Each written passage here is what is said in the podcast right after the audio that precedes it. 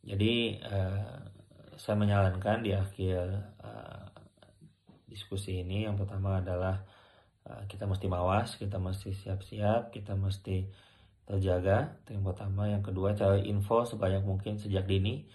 Ketika ada keluarga yang terkena apa yang butuh dilakukan, ketika ingin melakukan tes bagaimana, bagaimana tahapannya, ketika ingin uh, apa namanya uh, kejadian emergensi mesti ke mana itu saran saya kita sebagai generasi intelektual juga mengeceknya sejak awal sehingga uh, apa namanya uh, kita bisa menyiapkan jika memang itu terjadi. Yang kedua, jika memang ada keluarga yang positif atau kawan yang positif, jika dia tanpa gejala uh, bisa di, di diisolasi di rumah. Tapi dipastikan semuanya terpisah. Jika memungkinkan kamar mandi pun juga terpisah. Uh, makanan dan segala macam dibuat uh, one way saja atau uh, tidak butuh dicuci karena di rumah sakit pun saya juga sama tidak dicuci makanannya apa alat-alat perangkat makannya uh, dengan kotak makan dan sekali buang mungkin itu juga bisa dilakukan proses penyembuh proses sampai virus hilang bervariasi Makanya penting dilakukan bantuan atau demi ketenangan. Eh, pemerintah telah menjamin di rumah sakit-rumah sakit pemerintah ini juga biayanya gratis. Saya 14 hari di rumah sakit tidak ada biaya apa pun. Uh, jadi mudah-mudahan memberikan ketenangan juga buat kita semua dalam proses penyembuhan. Ya hanya saja ketika sudah masuk rumah sakit uh, itu ada urusan kita dengan diri kita yang dibantu oleh tim medis yang bertugas.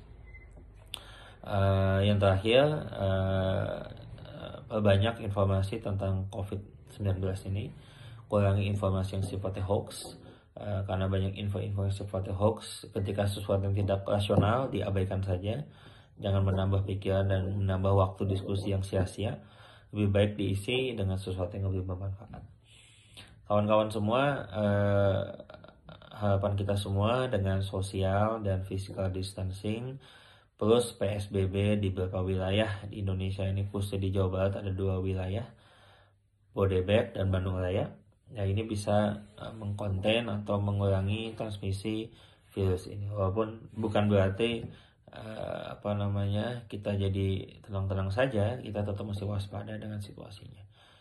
Eh, saran saya kita patuhi uh, kebijakan pemerintah terkait PSBB ini karena ini udah kebijakan uh, kalau boleh dikatakan di udah mentok gitu setelah ini udah nggak ada kebijakan lagi terkait pembatasan maka tinggal bagaimana tim medis dan fasilitas kesehatan mampu menampung kasus kedebek dan Bandung Raya. Ya ini bisa uh, mengkonten atau mengurangi transmisi virus ini. Walaupun bukan berarti uh, apa namanya kita jadi tenang-tenang saja kita tetap mesti waspada dengan situasinya. Eh, saran saya kita patuhi uh, kebijakan pemerintah terkait PSBB ini karena ini udah kebijakan uh, kalau boleh dikatakan di uh, udah mentok gitu. Setelah ini udah nggak ada kebijakan lagi terkait pembatasan. Maka tinggal bagaimana tim medis dan fasilitas kesehatan mampu menampung kasus-kasus yang ditemui. Uh, di Jawa Barat sendiri saya dengar direncanakan melakukan tes dalam jumlah lebih banyak khususnya untuk PDP dan ODP eh, jadi jangan kaget juga jika dalam waktu dekat ada informasi mengenai uh, jumlah case positif yang bertambah.